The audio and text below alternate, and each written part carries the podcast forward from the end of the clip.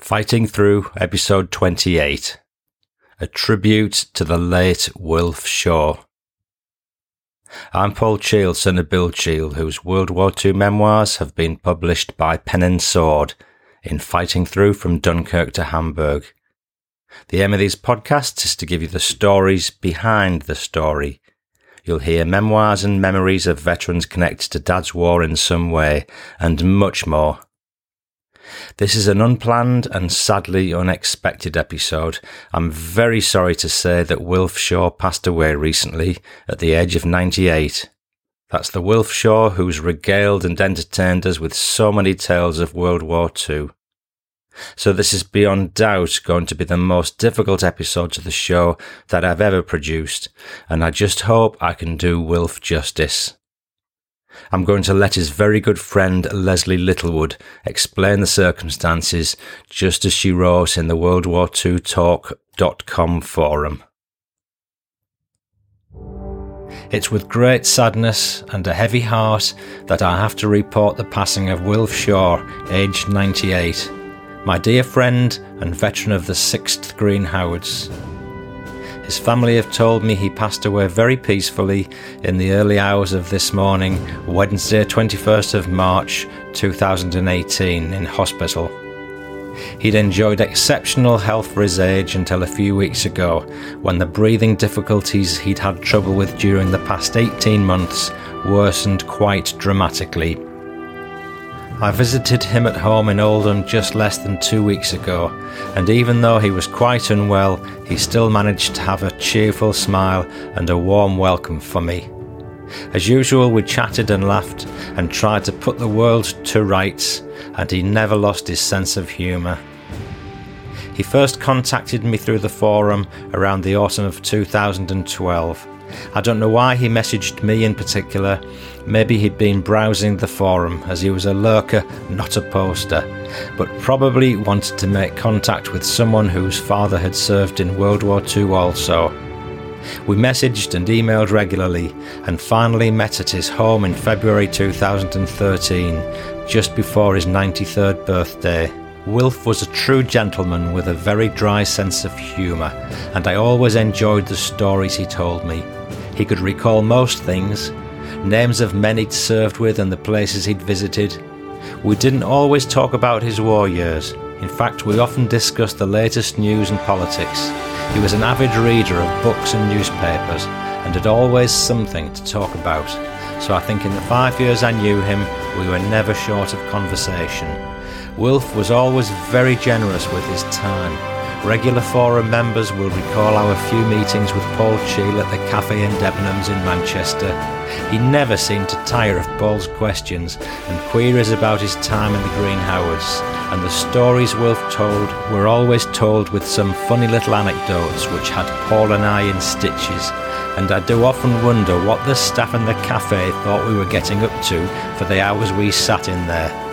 There are so many things I could say but can't put into words right now about the wonderful gentleman Wilf was, but I feel privileged to have met such a kind man and am proud to have called him my friend.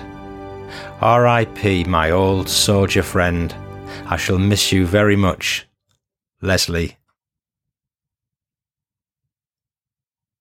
I'd like to add my own personal comments to Leslie's. Um, I too feel so very sad at Wilf's passing. I was surprised to find when I checked that I've corresponded with Wilf since 2011 and met up with him several times in more recent years, sometimes with Leslie, who's been a stalwart friend to Wilf for a long period. In all those times, Wilf has proved to be a fantastic raconteur, and he had an impressive recall of all his exploits, the dramatic, the tragic, and the funny.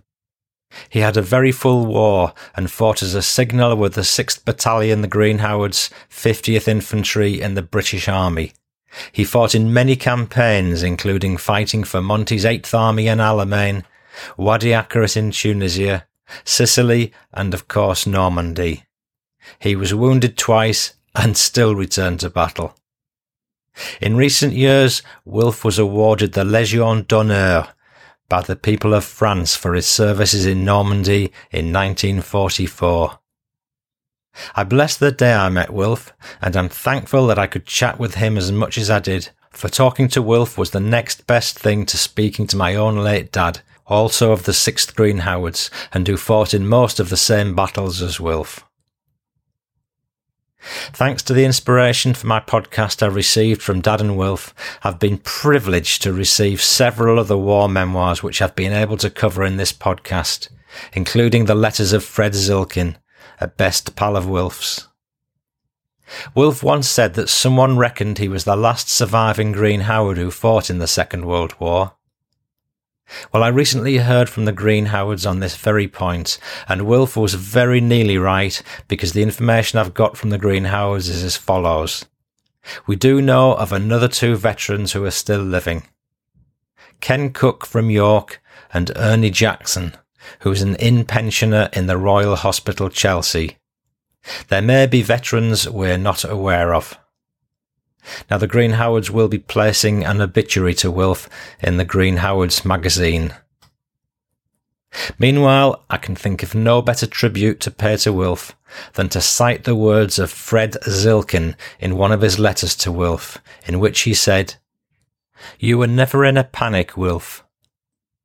I remember when you came over to the mortars, you were composed and didn't give a damn about enemy shells. You were always a rebel, Wilf, and it was those types of blokes who won this bloody war for us.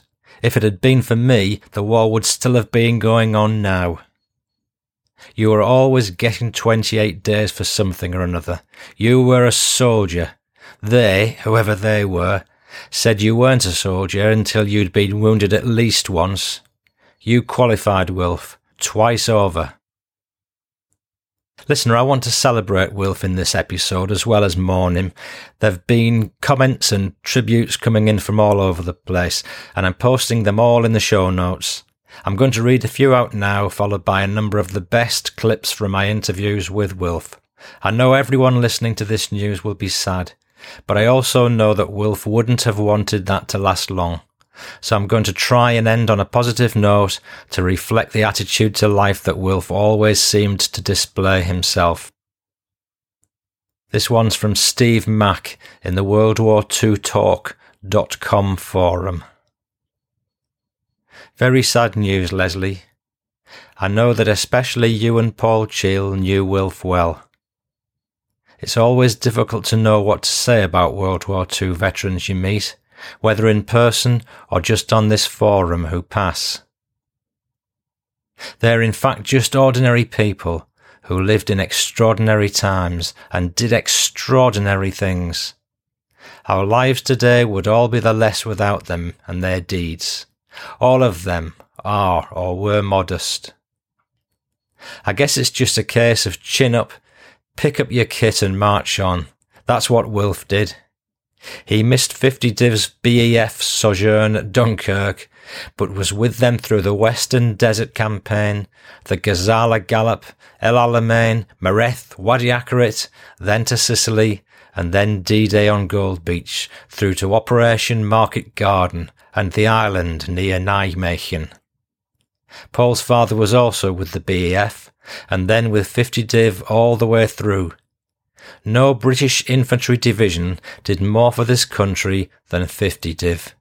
It's hard to feel worthy in contrast with the soft lives we have now. But Wilf and all the guys who served in World War II earned that for us. I will never forget them. R.I.P. Wilf Shaw, 6th Battalion Green Howards, 69th Infantry Brigade, 50th Northumbrian Division, Great Britain. Best, Steve. Very sorry to hear that Wilf has gone. I didn't know that he'd gone all the way from Gazala to the island, but as a historian of 50 Div, who knows the casualties suffered along the way, I can't imagine that many in the 50th could have matched that. And to think that he not only survived all that, but lived on for another 70 plus years, that's truly extraordinary. Some blokes are born blessed, it seems. Alan Converse. As a veteran, Wilf lived to be a grand old age and was able to recount and pass on his personal experience of serving his country. At one time it was common to meet and work with many who had military service during the critical times for the country. Those numbers are dwindling from a time when the British Isles were threatened to be overrun by the New Order, June 1940, a time when Britain alone was a free nation in Europe. Future uncertain, and it must have featured largely in the minds of all who served or who were conscripted. Future uncertain, and it must have featured largely in the minds of all who served or were conscripted. Wilf represented those young men and women who were called to arms to serve in what was a largely civilian army. Wilf's photographs indicate a man who appears to be jovial character and at ease with the passage of time, it must have been a pleasure to know him. Rest in peace, Wilf. Harry Ree. All the above tributes were from the World War II Talk Forum. Here's a few more from Facebook and Twitter. Well, I guess we can't trespass forever. I wish Wilf could have tested that theory. Loved his stories. Greg Waydert, Illinois, USA. A life well lived, Thanks for sharing his stories with us, Paul. R.I.P. Wilf. Kevin Scotland, UK. R.I.P. Truly enjoyed your talks with him. Root, Netherlands. I'm truly sorry to hear this. Wilf lived an incredible life and was one heck of a storyteller. I will miss him. Thanks for helping Wilf get his stories out there, Paul. Faye Pineda. USA. May he rest in peace. I loved listening to his stories and anecdotes. Thank you, Paul, for bringing his life story to so many of us. Eamon Walsh. Sorry to hear the sad news, Paul. He was a lovely man, and if it wasn't for him, I wouldn't have found that photo of my dad on the internet. Teresa Stoker. And this one's by email. A sad, sad day, and I will miss him so much. Being gutted today. Leslie Littlewood. Okay, that's the sad part of this episode over with. I'd somehow like to move on to a celebration of Wilf himself. There have been some fantastic stories of Wilf's war coming out of this podcast, and I want to share the best of him with you. And I'm going to go big with the music too, because I love the music I chose for this show. That's why I chose it. So I hope you'll enjoy it with me at various points. When I first heard from Wilf in 2011, this is how he described himself. I'm Wilfred Shaw, ex 6th Battalion the Green Howards, and served with them from late 1940 to June 1946. It was after Dunkirk when I joined the battalion. They were at Marston House in Frome, Somerset. I sailed on the Mooltan to North Africa in June 1941 and served in North Africa at Gazala in May 1942 in a rifle company, where I was wounded in my left foot in the fighting around Tobruk and was in the 15th Scottish General Hospital until just before El Alamein. I went into action there this time as a signaller attached to the rifle company, and I was wounded again and had to spend another spell in the 106 South African Field Hospital. I left hospital and went back into action at Wadi Akarit in southern Tunisia until Rommel was driven out of North Africa. I then took part in the invasion of Sicily landing at Avola on the 10th of July 1943. After the conclusion of the Sicily campaign, we returned to England, Riddlesworth near Thetford in Norfolk, then up to Loch Fyne in Inveraray in Scotland to train for the invasion of Normandy. I then moved down to Boscombe and got married to Dora, my first wife, who was also in the armed forces. I was married on 10th of April 44, Easter Monday. We married at the register office in Oldham. Ten days compassionate leave with my wife, then back to Boscombe. I never thought I would see my wife again, but I was remarkably lucky. I took part in the invasion of Normandy, but didn't land D-Day. It was D2 when I landed, and I was signaller with support company along with Fred Zilkin. I was signaller to the anti-tank platoon and was in the fighting right up to the Arnhem operation when 50 Division were broken up, and I was sent to Warrenpoint in Northern Ireland. I came back to England and had a cushy job at Pickering in Yorkshire on the switchboard with my old mate Fred Zilkin. With six months left to serve, I was sent to Cyprus until demob. Something I could have done without because I hadn't seen my wife and child since getting married. But ultimately, it did finish, and I got home to be demobbed on Thursday, the 13th of June both the day and the date exactly as it was when I was called up in 1940, six years to the day. That's the outline of things, but obviously a lot of unforgettable things happened during that time. Well, Wilf, you can say that again. Let's just review a few of these things that happened. These are in no particular order, but they're certainly the ones which made the most impression on me at the time. How's your hearing? Is it all right? I suffer from tinnitus. I, the odd word, you, you have to excuse me if I ask you to repeat something, Yeah, you know. okay. That's okay.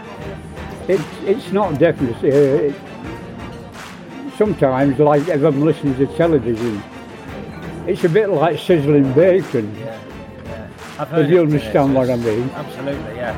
Does that come from the war? or- Yeah, Oh, yeah, Jesus. Yeah. Yeah, but part of my pension is, uh, is for that. It's, uh, that and PTSD, you know. so.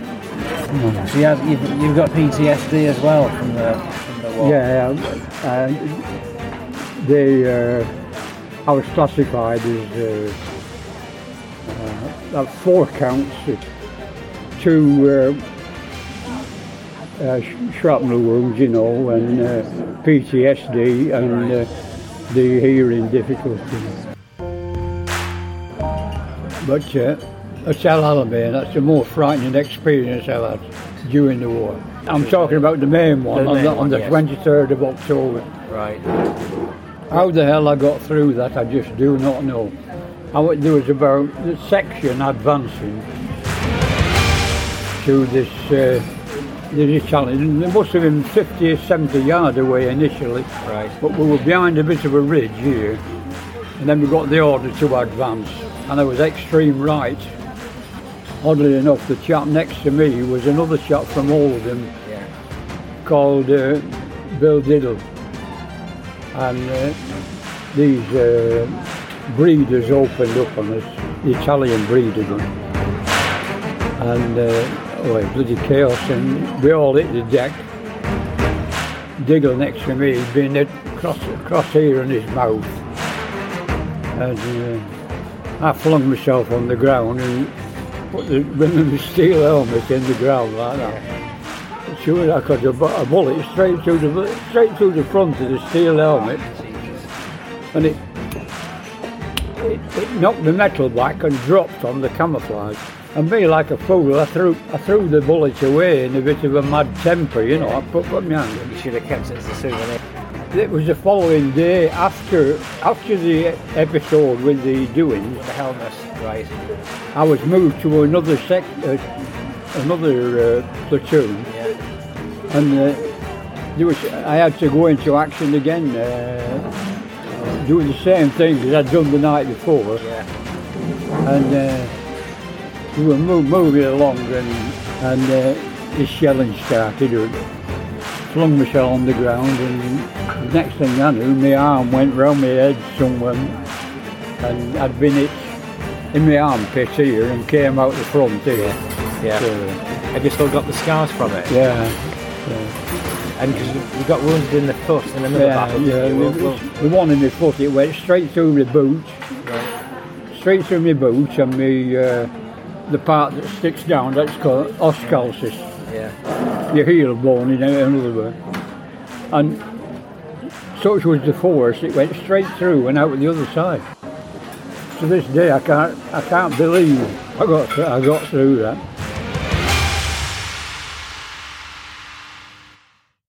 One or two foreboding stories from Wilf there. Thank you very much, Wilf. Um, I just want to come in here with a bit of feedback that I'm repeating from from a previous episode because it's so relevant to Wilf. It came from Faye Pineda from the USA on Facebook. And uh, Faye said, I've been listening to your podcast for a few months now, and I absolutely love it. It is so exciting and humbling to listen to the stories of such brave souls. I can't get enough of Wilf Shaw. He's always got a joke. Well, thanks, Faye uh, for writing in on that. And if we wanted a prelude to one of the funniest stories Wilf's ever told, then that's it. And I'm now going to give you the latrine story. Wilf's on guard in the desert and playing around with his rifle, trying out what he calls first and second pressure on the trigger. I'll let Wilf tell you what happened next. I'll yeah. tell you something that's happened it probably isn't worth repeating it any doing it. All right. Yeah. I'm, uh, I'm still afraid of the long arm of the army, you see. So, oh, okay. Yeah, I'll yeah, tell you something that happened. We stood to one night at Gazala, and I'm stood in a trench with Peter McKenna. And we used to stand for an hour at stand to at night, you know, right. certain times stand to. Yeah. And me, uh, my, my rifle and uh, I was doing the pretend, doing, you know, aiming. Yeah. Supposing that were just lining your gun up. I, yeah. I was trying the what they call the uh, first and second pressure on the trigger. Right. Anyway, I'm pointing this at the latrine, you know. right. And all at once, I must have pulled the trigger too bloody hard. and the, and I, I fired me, I, I fired, uh, fired a shot off, you know. Right.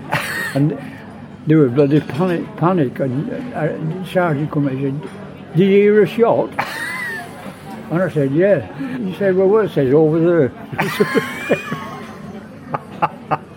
but the, the funny part was, all he had to do was pick up, pick, take my rifle off me and feel at it, and he. he he'd have known yeah. the heat. Because yeah. the, the, barrel was still warm, you know. Maybe he uh, gave you the benefit. So I remember he booed off and Peter McKenna said, he said, "With a bloody stupid sod show, you know." yeah, I thought you were going to say you shot somebody so in the backside. I, I hesitate to tell that to anybody. but I'll tell you what, the next time I went to the latrines, it uh, it proved the accuracy of my uh, doings. There was a bu- actually bullet hole right through the latrines.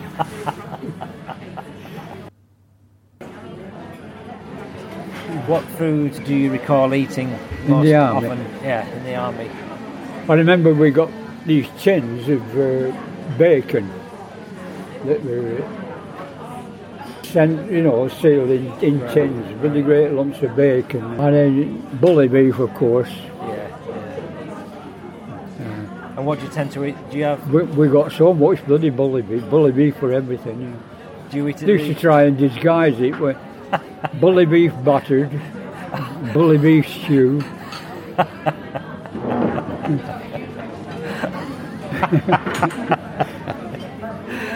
Oh dear. Do you eat bully beef now? Is that is it corned beef really? That, I remember corned beef. How with Ginger Wrights, where was it? I forget where we were, I think we were up in Tunisia. And we're eating out of a mess tin, and all at once, Ginger pulls this out of his mess tin, and it was it was a bloody centipede, you know. Oh God! yeah. That's that's not that's quite good really, because if everybody wanted a leg, there'd be plenty, plenty to go around. Uh, we had to, we had to come out. We were ordered to come out on parade. Right. Dress nothing. Naked, you know. Right. And the MO come around. Right. And we had to line up like yeah. that. So he, he was going along inspecting, you know, and uh, yeah. lifting your testicles up with a, you know, like with a lolly, lolly stick or something. Uh, and uh, all at once, the bloke ne- he, he came to the bloke next to me. It was Gus Parks, Gus Parks. Right. And it, it, it's handed up like that. So all I want to get this man say, remove that. So I looked. Yeah, there was a, a tick buried under his skin on the, near his armpit. So I managed to uh, get this little tick, like, you know, Right. and flung it away. And this MO come bouncing back. He said, what, what did you do with the tick? I said, throwing it away. Find the bloody thing, he said, and kill it, you know. Oh God. So I was crawling around on the uh, doing, and it, what went through my mind was it, how the bloody hell can I find a chick among this lot, you know, 180,000 square mile of desert sort of thing, you know. And anyhow, in the end, I, I pretended uh, I'd found it and I uh, banged it with a stone, you know. Like that, you know. There was, I never found a bloody tick, you know. So. But yet you found three more under your armpit later from from routing around in the grass.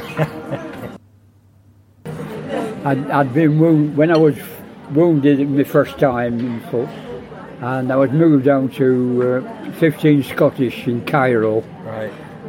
So in the middle of Cairo, and when we were getting better, we, were, we went out in twos and threes. Yeah. I remember uh, the bu- the buses or trams or whatever I can't remember. They were absolutely they were hanging off the side on top and. Uh, and Right.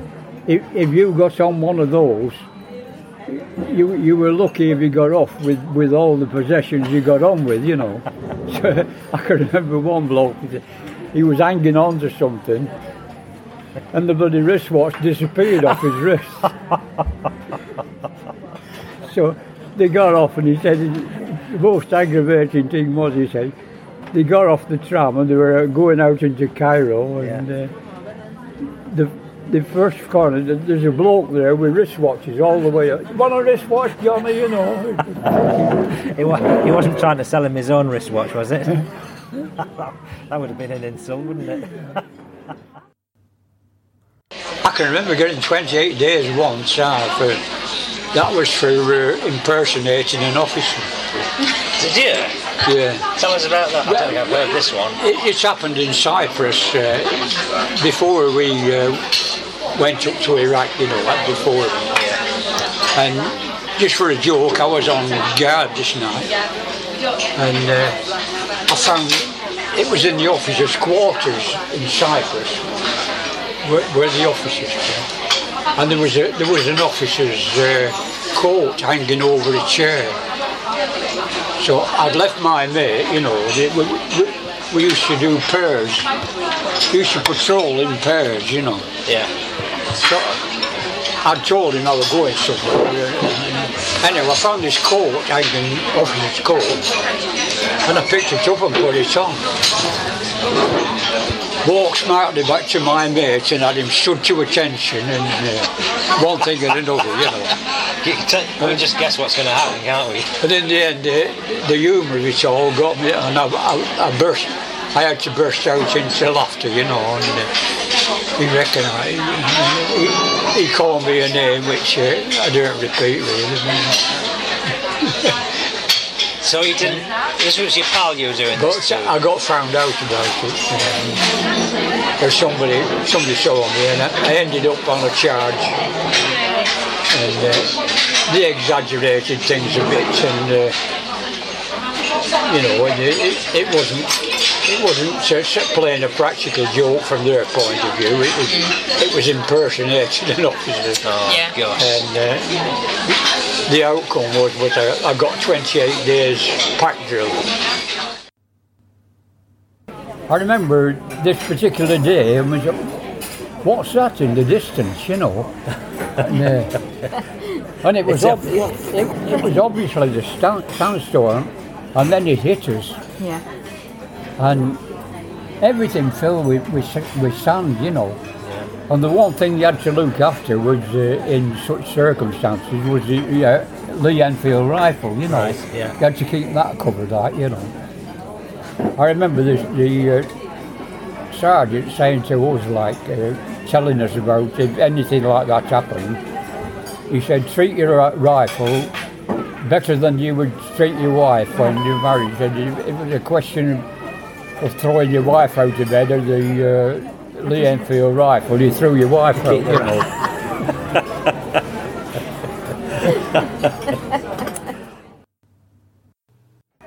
when we were first went in uh, to Ascall, the specialists, signallers and Bren gun carriers, MT, we were all put into uh, the, our bed were the horses' stables. And uh, over the, the name over at the stable I was was Farmer. And we were tuned to a thing and uh, I'll tell, tell you what my mate said. He said, I can just imagine this horse. And, all bollocks and backbone, you know. yeah. But you never did get to see it. Or did No, we, we, didn't, we didn't see any of the, hor- the horses had been taken out. But uh, that was the accommodation that they gave to us with the horses Yes. stalled. Oh yeah, yeah. Presumably it had been cleaned out and it was fresh hay laid for you. I'll tell you one incident that has occurred when I was with the Signaller as the anti-tank platoon was the incident with the radio where I put it on top. yeah, And I had my radio on top of the trench. yeah. You were in The Germans were firing, kept firing periodically at, at intervals of uh, two minutes. You could hear the thump in the background. And I would lay there and timing in, and the time was getting less and less between the explosion I could hear, the uh, discharge of the uh, the discharge at that end and the explosion at this end. And the time was getting less and less. And I estimated it wouldn't be long before uh, the net third from when I was listening from. I'm talking about three, three from now. And the one that drops is going to be pretty close, you know. Yeah, But I had the radio on top of the trench. yeah. And that's exactly what happened. there were, the time limit got less and less until this explosion, the shell burst almost on top and, and blew the uh, radio. Uh, I got shrapnel through the radio. And uh, after I picked it up and I thought, well, it can't possibly be working. But I got, you know, so, Dog, dog seven, dog seven, they call my signals, you know. And back came the answer, here you strength five, you know. And there was shrapnel through the bloody, uh, through the radio, yeah. And it still worked. Still worked. yeah. I remember Dad saying in his memoir that it was freezing cold all Aye. the time you. The one you might be talking about was uh, a scheme on uh, Exmoor. And uh, th- there were some people killed on that. Right. I think they were run over by a tank uh, How dreadful. or a vehicle or something like that, run Yeah. over, you know. But trying to sleep, I, I remember there was Morris Hancock, Henry Jeffries, and myself, three of us. And we had one blanket between us. Right. This was on Exmoor. Ah. yeah, yeah. So we, we took it in turns to get the warm spot, which, wa- which, which was in the middle. In the of- middle, right, yeah. So the two on the outside were freezing bloody cold, you know. And, uh, yeah. You come from Oldham, and there's one thing you, you read in your, in, you said in your memoir that most of the lads in the battalion were from the northeast, but not entirely. There were lads from South Yorkshire, Scots lads, Cockneys, Welsh, Irish, and at various times I shared a dugout with a Welshman, a Scotsman, a Jew, and a lad from Gateshead. Ah, So you, right, that's right, yeah. you covered the full uh, gamut of I can remember his name, Gus Parks, he was called. Uh, That was the that was the um, the Geordie. The yeah, guy, lad from Gateshead, right?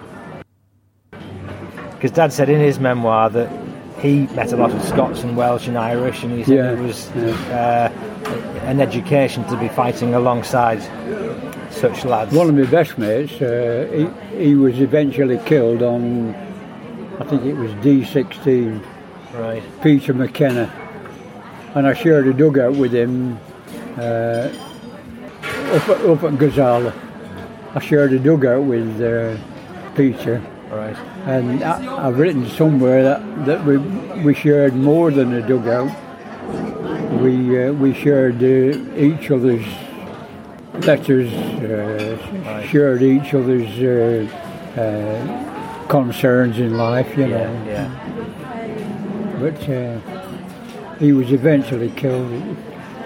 Good soldier, good soldier, Peter. Conscientious. Uh, I still won the lottery, you know. You still do it? Yeah. My la- Michael, he says, uh, well, 96 year old, he said, going on. He said, well, what the bloody hell would you do with it if you won it? I said, well, that's easy, I'd give it away. No, I'd give it away. Would you? Yeah. Ah. yeah.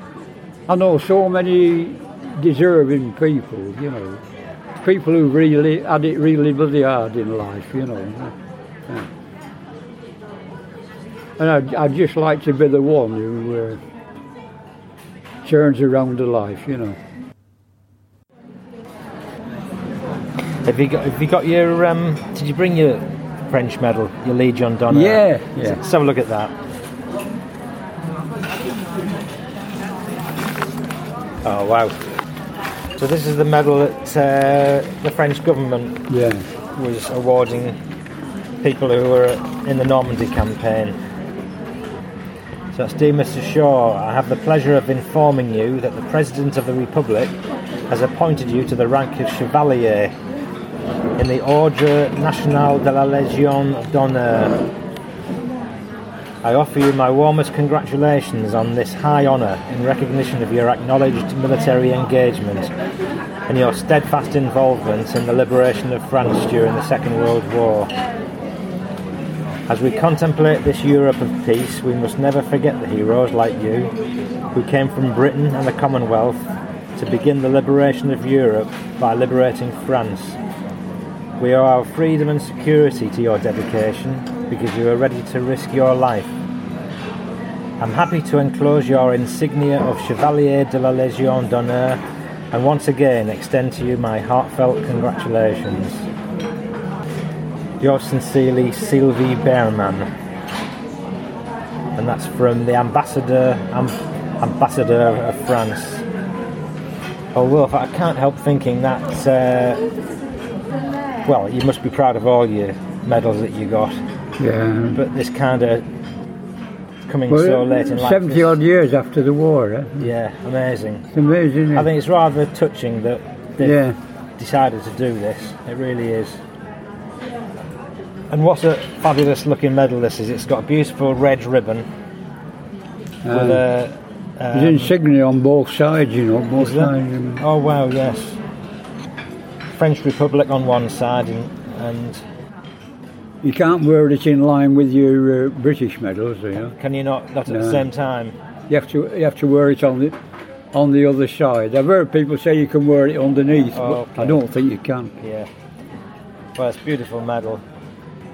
But like I say, how, how touching after 70 odd years uh, So there we have it, Wilf's treasured Légion d'honneur medal from the French people and the French government. And uh, if you want to see that medal in its full colour glory, then pop to the show notes at fightingthroughpodcast.co.uk. And I've put various other pictures of Wilf together with his previous uh, recordings of interviews with myself and Leslie I found it quite interesting to review all Wilf's clips and quips because it's made me recall something my dad once said about the war that there were long periods of boredom interspersed with short periods of deadly fighting. And I think to some extent that's reflected in Wilf's stories because whilst there are plenty of scary episodes, it's obvious that Wilf and no doubt his comrades regularly sought relief from the violence in humour and all those funny incidents are clearly ingrained on Wilf's memory with the same durability as any of the violent ones. Wilf, if you're listening, Here's a medley of some of your best bits. I can remember getting 28 days once uh, for that was for uh, impersonating an officer. Did you? At El Alamein, that's the most frightening experience I had during the war. How the hell I got through that, I just do not know. I got a, bullet straight through the straight through the front of the steel helmet. I was trying the what do you call it, first and second pressure on the trigger. Right. Anyway, I'm pointing this at the latrine general, and all at once I must have pulled the trigger too bloody hard. The shelling started, flung myself on the ground, and next thing I knew, my arm went round my head somewhere, and I'd been it. To this day, I can't, I can't believe I got, th- I got through that. A patrol, a German patrol coming in the opposite direction, you know. They were wheeling a field, piece of field artillery and pointing in our direction, like. The sun, the, the fine sun used to stick to them. And I remember looking round at the blokes and they were just like graven images, you know. Uh, one officer described Falaise. He said he was virtually walking on dead bodies at Falaise. The- Our bed were the horses' stables. I'll tell, tell you what my mate said. He said, I can just imagine this horse. And all bollocks and backbone, you know. I, I went through uh, I went through Normandy and the rest of the north up through Belgium and Holland, but uh, never got wounded again. I wounded twice in the desert. But, uh, Well, you, but you'd learn to keep your head down by ah, then. very like that. I remember one bloke saying to me, uh, talking to you like I'm talking to you now, and he said, "Did you ever?" Uh, did you ever experience an 88 millimeter? He said about the there was tremendous velocity. I said, yes, I, I heard an 88 millimeter shell twice. I said, once when it passed me, and again when I passed it. There were lads from South Yorkshire, Scots lads, Cockneys, Welsh, Irish, and at various times I shared a dugout with a Welshman, a Scotsman, a Jew, and a lad from Gateshead. Ah. We, we got so much bloody bully beef, bully beef for everything. Jewish used to try and disguise it with bully beef battered, bully beef stew.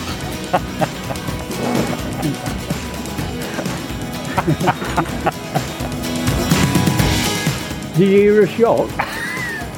And I said, yeah. He said, well, where? I said, over there. it was a question of throwing your wife out of bed of the uh, Lee Enfield rifle. You threw your wife out.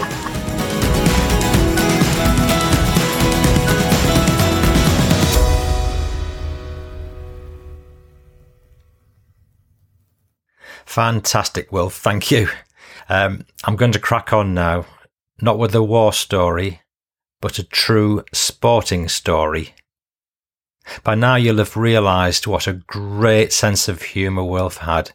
His favourite football or soccer team was Oldham Athletic, nicknamed the Latics, who are in Lancashire, England.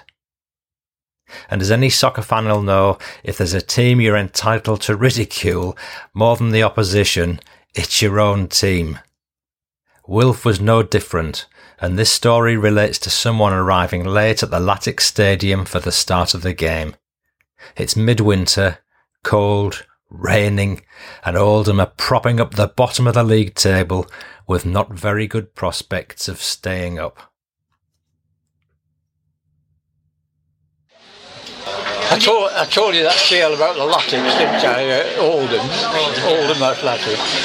In the old days, you know, they used to have a ground and you had to go up like a terracing to the top to get to the top of the terracing, if you like. Yeah, you'd, fr- from this side you couldn't see it, you know. Right.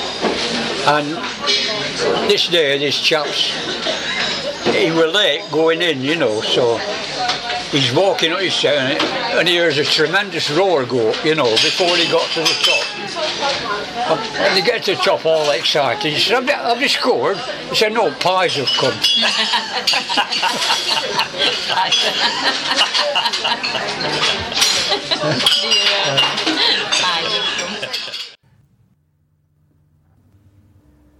I'm going to close now.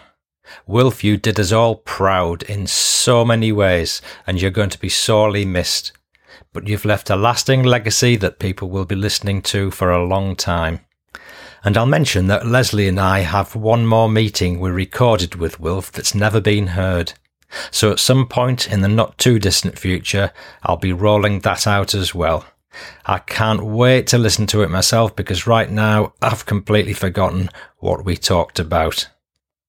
Once more from Fred Silken. You were never in a panic, Wilf. I remember when you came over to the mortars, you were composed and didn't give a damn about enemy shells. You were always a rebel, Wilf, and it was those types of blokes who won this bloody war for us. If it had been for me, the war would have been going on now. Fred Zilkin. Goodbye, my old chum. And in your own words, keep trespassing, wherever you may be. Listener, I'm now going to play what is normally my show intro, called Our Mighty Hearts, because Wilf surely demonstrated what a mighty heart he had in his long but all too short life. And for those of you who like my normal outro music in victory, stay listening, because what the heck, I'm going to play that as well.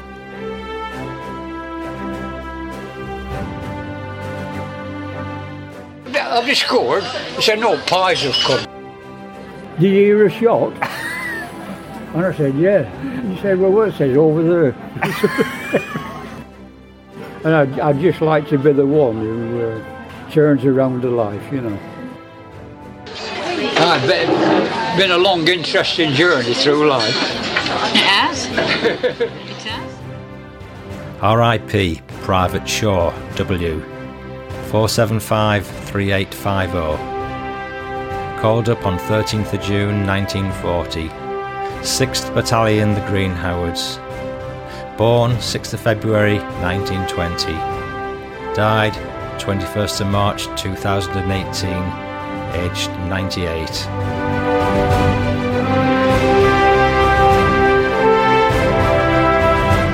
I'm Paul Cheall saying bye bye now.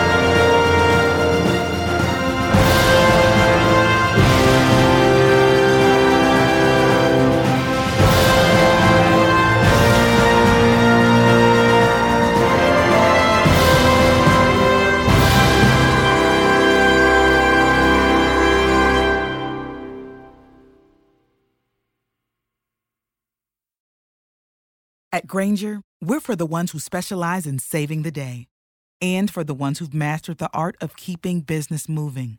We offer industrial grade supplies for every industry with same day pickup and next day delivery on most orders, all backed by real people ready to help. So you can get the right answers and products right when you need them. Call, clickgrainger.com, or just stop by. Grainger, for the ones who get it done.